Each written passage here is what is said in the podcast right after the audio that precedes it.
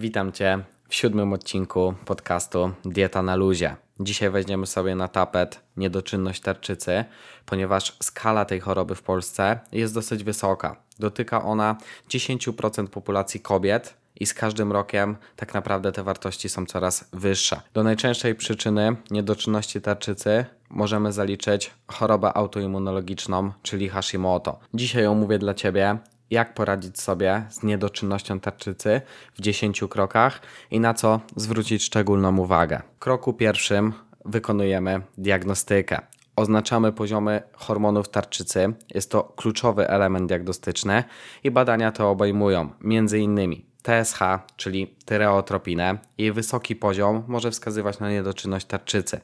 T4, czyli tyroksynę, jej niska wartość z kolei może świadczyć o niedoczynności tarczycy. Wykonujemy również badanie T3, czyli trójjodotyroniny i ona przeważnie nie jest zlecana w pierwszym rzucie, nie jest tak zwanym badaniem podstawowym, ale pomaga ocenić pracę tarczycy oraz konwersję T4 do T3, więc jest to mega ważne. I ostatnim badaniem są przeciwciała anty-TPO i anty-TG. One pomagają w diagnostyce chorób autoimmunologicznych, jak na przykład choroba Hashimoto. Pamiętaj, że diagnostyką tych badań zajmuje się zawsze lekarz, ale co mogę Ci podpowiedzieć, to że TSH u młodych osób powinno wynosić 2,5. Jeżeli jest trochę wyższe, to też nie oznacza jakiejś nieprawidłowości. Warto wtedy sprawdzić wszystkie badania i je porównać, a T4 i T3 powinny wynosić powyżej 50% normy laboratoryjnej. Więc masz tutaj punkt odniesienia. Jeżeli Twoje badania są mocno rozregulowane, to udaj się z tym koniecznie do lekarza. Objawy samej niedoczynności tarczycy są mocno niespecyficzne. Na przykład możemy wyróżnić zmęczenie, ponieważ osoby z niedoczynnością tarczycy często odczuwają senność nawet po dłuższym czasie snu. Kolejnym objawem może być uczucie zimna. Widzimy, że osoby z niedoczynnością tarczycy często mają zimne stopy, zimne dłonie, ale też ogólnie szybko marzną przez rozregulowanie hormonów tarczycy. Kolejnym objawem jest przyrost masy ciała. Wynika to głównie z tego, że niedoczynność tarczycy może obniżać całkowitą przemianę materii i łatwiej jest przybrać na masie ciała, ale też prowadzi do nadmiernej retencji wody, więc automatycznie wchodząc na wagę widzisz wyższe kilogramy. Kolejnym objawem mogą być zaparcia, ponieważ niedoczynność tarczycy może wpływać na perystaltykę jelit, co często prowadzi do problemów właśnie z zaparciami. Jest to mega ważne jeżeli borykasz się przewlekle z zaparciami, to warto wykonać szeroką diagnostykę. Ostatnim objawem mogą być zmiany w cyklu menstruacyjnym. Kobiety z niedoczynnością tarczycy mogą doświadczać nieregularnych miesiączek, ale też bardzo obfitych. Tylko objawy niedoczynności tarczycy są mega niespecyficzne, bo każdy z nich może, ale nie musi wskazywać na tą chorobę, bo przyrost masy ciała, zmęczenie, zmiany w cyklu menstruacyjnym, zaparcia czy uczucie zimna wcale nie muszą oznaczać niedoczynności tarczycy, więc zawsze kluczowa jest diagnostyka laboratoryjna, gdzie badamy poziomy TSH, T3, T4 i wtedy możemy stwierdzić, czy nasza tarczyca pracuje w sposób prawidłowy. Mówiąc o przyczynach niedoczynności tarczycy, musimy powiedzieć sobie o chorobie Hashimoto. Jest to najczęstsza przyczyna niedoczynności tarczycy, a choroba Hashimoto to nic innego jak autoimmunologiczne zapalenie tarczycy, w którym własny układ odpornościowy atakuje komórki tarczycy, prowadząc do stopniowego zniszczenia tego gruczołu. Jest to naprawdę bardzo kluczowe, bo szacuje się, że nawet 90% osób z niedoczynnością tarczycy ma chorobę Hashimoto więc tutaj trzeba sprawdzić przeciwciała anty-TPO i anty-TG, żeby poszerzyć diagnostykę. Kolejną przyczyną może być usunięcie całej tarczycy lub jakiejś jej części, np. z powodu e, jakichś zmian e, czy nowotworów, to często prowadzi do niedoczynności tarczycy. Kolejną przyczyną może być zaburzenie pracy przysadki lub podzgórza, które są kluczowe do regulacji wydzierania hormonów tarczycy, a zaburzenia w tych strukturach mogą prowadzić do niedoczynności tarczycy. Niedobory niektórych składników w diecie, jak na przykład jodu, mogą również prowadzić do niedoczynności tarczycy, ponieważ jod jest niezbędny do produkcji hormonów tarczycy i często niedoborowy, a niektóre leki, jak lid, mogą zakłócać funkcję tarczycy i prowadzić do niedoczynności. Krokiem drugim jest indywidualna ocena. Nieważne jaką mamy chorobę, zawsze zaczynamy od indywidualnej oceny żywieniowej, uwzględniamy preferencje potrzeby kaloryczne, ewentualne ograniczenia i możliwości czasowe. Jest to po prostu najważniejsze, nieważne czy chorujesz na niedoczynność tarczycy, otyłość czy insulinooporność, zawsze indywidualna ocena jest kluczowa. Co ważne, jeżeli bierzemy indywidualne preferencje, ale też stan zdrowia, to musimy wziąć pod uwagę, że w przypadku niedoczynności tarczycy dochodzi do obniżonej aktywności pracy tarczycy i też zmniejsza się całkowita przemiana materii. Więc nasze zapotrzebowanie kaloryczne jest mniejsze, ale jeżeli wyrównamy je lekami, to wszystko wraca do normy. Obniżenie całkowitej przemiany materii działa na kilku płaszczyznach. Głównie wynika to z faktu, że hormony tarczycy, czyli tyroksyna i trójjodotyronina, pełnią kluczową rolę w regulacji całkowitej przemiany materii, a w przypadku niedoczynności widzimy niedobór tych hormonów, więc hamuje to aktywność metaboliczną, ale też niedoczynność tarczycy może powodować zwiększoną utratę masy ciała, co ponownie obniża całkowitą przemianę materii, ale też powoduje uczucie zmęczenia, więc mniej się ruszamy, jesteśmy mniej chętni do podejmowania aktywności fizycznej, a bardziej senni. Krokiem trzecim jest leczenie farmakologiczne. Jeżeli lekarz stwierdza niedoczynność tarczycy, to przepisuje lewotyroksynę, czyli syntetyczny analog tyroksyny w celu wyrównania hormonów tarczycy. Biorąc te leki, musisz zwrócić uwagę na kilka ważnych aspektów. Mam nadzieję, że lekarz ci o tym powie, ale jeżeli nie, to najważniejsze jest wchłanianie tego leku. Po pierwsze, musisz przyjmować go nadczo. Przerwa pomiędzy lekiem a posiłkiem najlepiej jakby wynosiła godzinę. Po drugie, lek popijaj tylko i wyłącznie wodą niegazowaną i źródlaną. Każdy minerał może zaburzać wchłanianie leku. Po trzecie, jeżeli przyjmujesz leki IPP, preparaty żelaza, wapnia, fosforu czy też chromu, zachowaj odstęp pomiędzy ich spożyciem a przyjęciem lewotyroksyny. Po czwarte, jeżeli lubisz wypić sobie kawusie, to minimum zachowaj odstęp godzinny, a najlepiej dwugodzinny pomiędzy piciem kawy a spożyciem leku. Po piąte, warto ograniczyć błonnik w śniadaniu. Do tego soję do około 4 godzin od leku do spożycia posiłku, więc przesuwamy ją najczęściej do pory obiadowej. Nie spożywamy też grejpfrutu na 4 godziny od leku, bo on wchodzi największe interakcje z lekami tak naprawdę. Preparaty żelaza, tak jak mówiłem, zachowujemy odstęp mniej więcej dwugodzinny. Wapń i jego preparaty również odstawiamy na 2 godziny od spożycia leku. Czwartym krokiem są makroskładniki.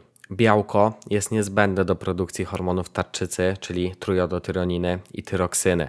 Niedobory białka sprzyjają nieodpowiedniej pracy tarczycy, dlatego spożywaj minimum 1,6 g białka na kilogram masy ciała w ciągu doby. Możesz mieszać źródła y, odzwierzęce z roślinnymi i staraj się, żeby w każdym posiłku było minimum 20 g białka, a w ciągu dnia ten 1,6 g na kilogram masy ciała. Dla przykładu, dla osoby ważącej 70 kg jest to około 115 g białka w ciągu doby. Co do tłuszczów, opieraj swoją dietę głównie na tłuszczach nienasyconych. Bazuj na olejach roślinnych, takich jak na przykład oliwa z oliwek, orzechach, pestkach i nasionach oraz tłustych rybach. Ograniczaj tłuszcze nasycone, które znajdziesz głównie w produktach odzwierzęcych, takich jak tłusty nabiał czy mięso, ale też w oleju kokosowym. Jest to mega ważne, ponieważ tłuszcze nasycone działają prozapalnie, a Twoja dieta w przypadku niedoczynności tarczycy, a już w szczególności przy Hashimoto, musi mieć charakter przeciwzapalny. Co do węglowodanów, jak najbardziej mogą one znaleźć się w Twojej diecie, tym bardziej jeżeli mówimy o zbożach pełnoziarnistych, złożonych. Zawierają one dużo błonnika pokarmowego i ważnych mikroelementów dla pracy Twojej tarczycy, takich jak na przykład magnez, żelazo, cynk czy też selen. To, ile procentowo ustawisz sobie w diecie tłuszczów, a ile węglowodanów, to kwestia mocno indywidualna. Postawiłbym około na 30% tłuszczów, a resztę pokrył z węglowodanów. Krokiem piątym są mikroelementy. Niedoczynność tarczycy często wiąże się z niedoborami pokarmowymi, więc musisz w swojej diecie je uzupełniać. Wymienię teraz kilka najczęstszych niedoborów, o które koniecznie musisz zadbać. Pierwszym mikroelementem jest żelazo, ponieważ niedoczynność tarczycy często zmniejsza absorpcję żelaza, a niedobór tego mikroelementu może prowadzić do anemii, a to z kolei powoduje jeszcze większe uczucie zmęczenia, charakterystyczne dla niedoczynności tarczycy. Drugim mikroelementem jest cynk. Jest on niezbędny do prawidłowego funkcjonowania układu odpornościowego, a niedoczynność tarczycy może wpływać na jego wchłanianie, co z kolei może prowadzić do niedoborów. Trzecim mikroelementem, na który musisz zwrócić szczególną uwagę, jest selen, ponieważ wpływa on na konwersję hormonu T4 do aktywnej T3,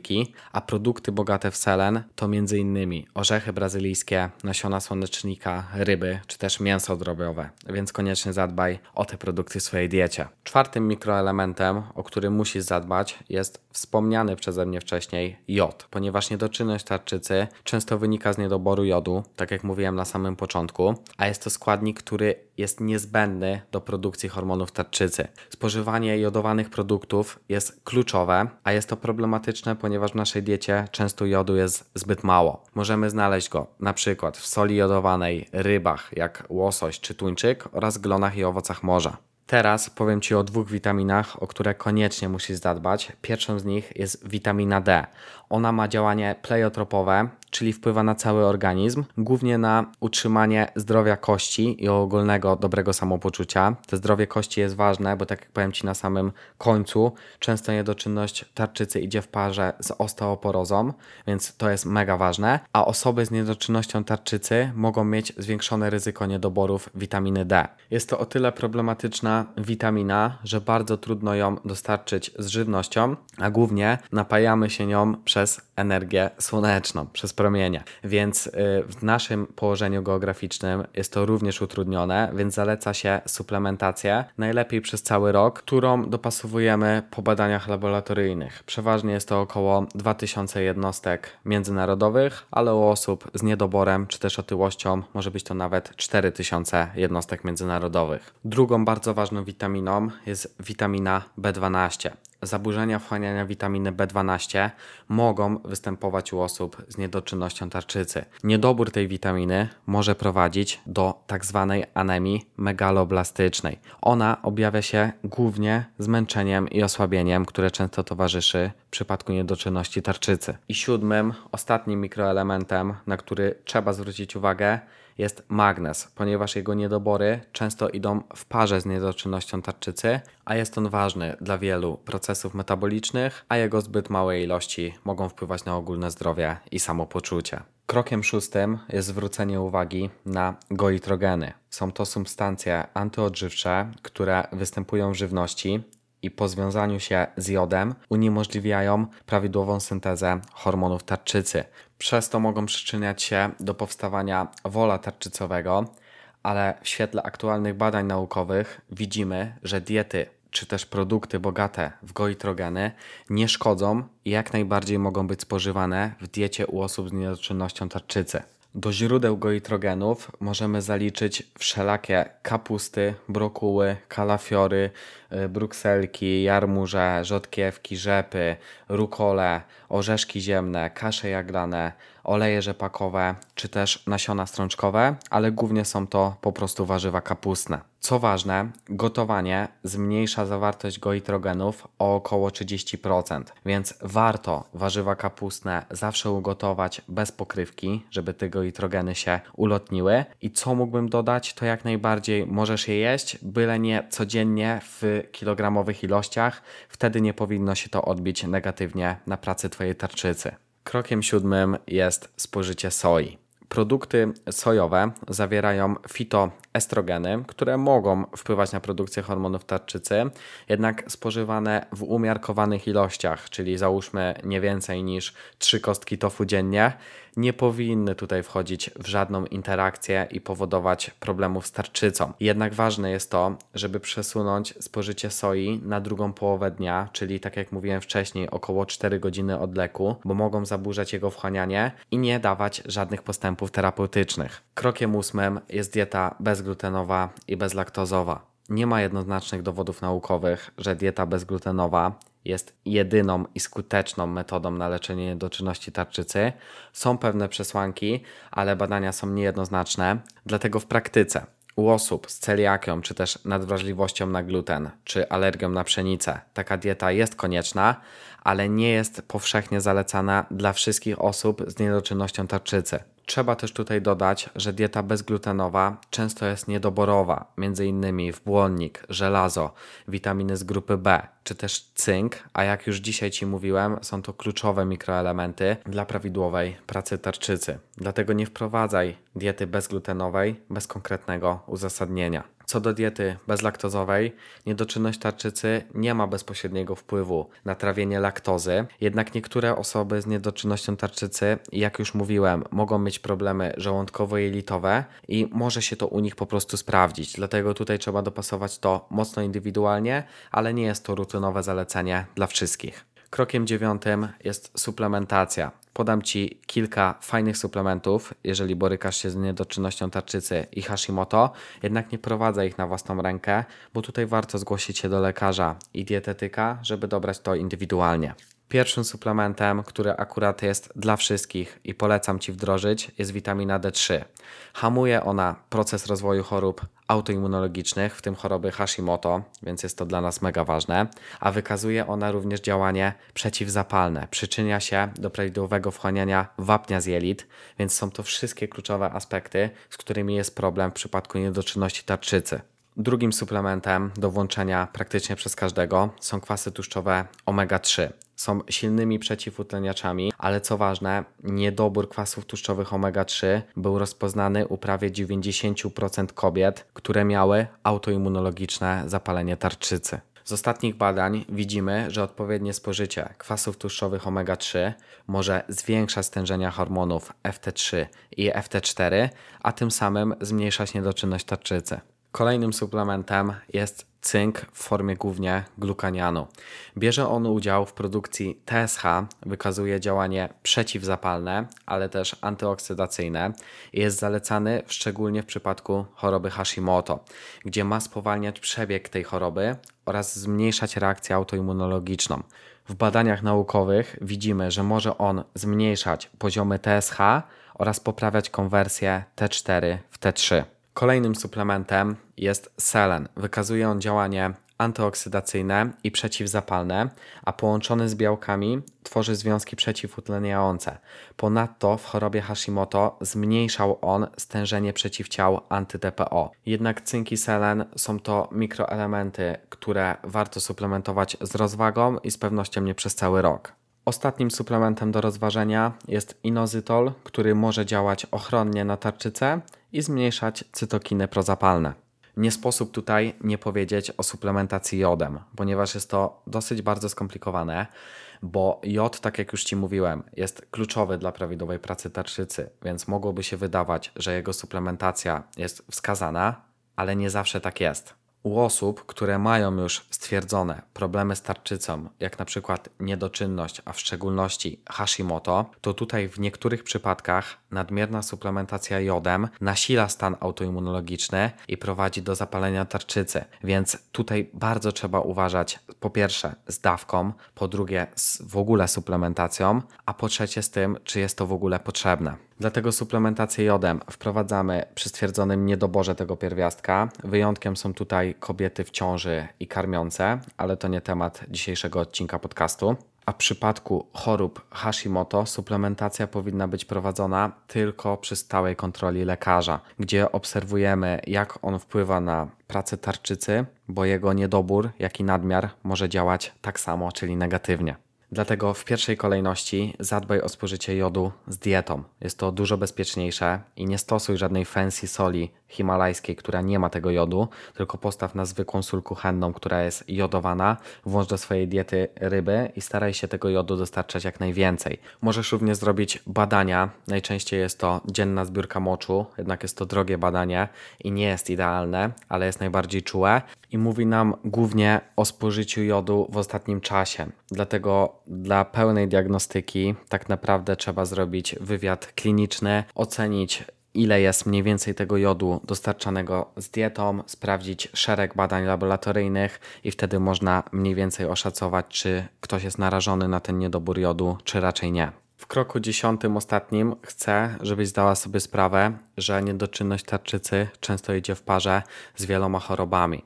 Jest to na przykład Hashimoto, o którym już dzisiaj dużo razy mówiłem, więc nie będę tego rozwijał, ale jest to również zespół metaboliczny, Niedoczynność tarczycy może zwiększać ryzyko wystąpienia właśnie zespołu metabolicznego, który obejmuje otyłość, insulinooporność, nadciśnienie i zaburzenia lipidowe, ale też niedoczynność tarczycy często idzie w parze z chorobami układu pokarmowego. Może ona wpływać na funkcję układu pokarmowego, prowadząc do takich problemów jak przykład zaparcia, niestrawności czy zespół jelita drażliwego. A u kobiet bardzo często widzimy, że niedoczynność idzie w parze z zaburzeniami miesiączkowania.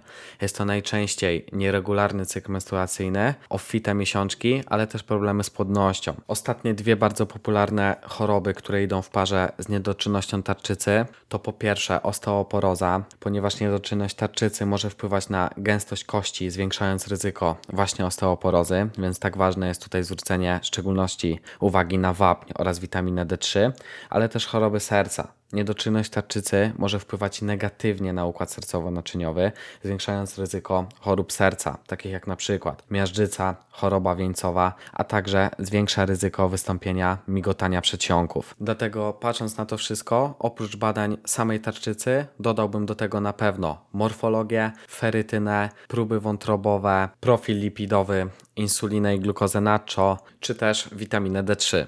Dziękuję Ci bardzo za przesłuchanie całego odcinka podcastu. Teraz będę wdzięczny za napisanie do mnie, jak Ci się podobał, zostawienie pięciu gwiazdek na Spotify'u i zaobserwowanie mojego podcastu. Słyszymy się w kolejnym odcinku. Do usłyszenia.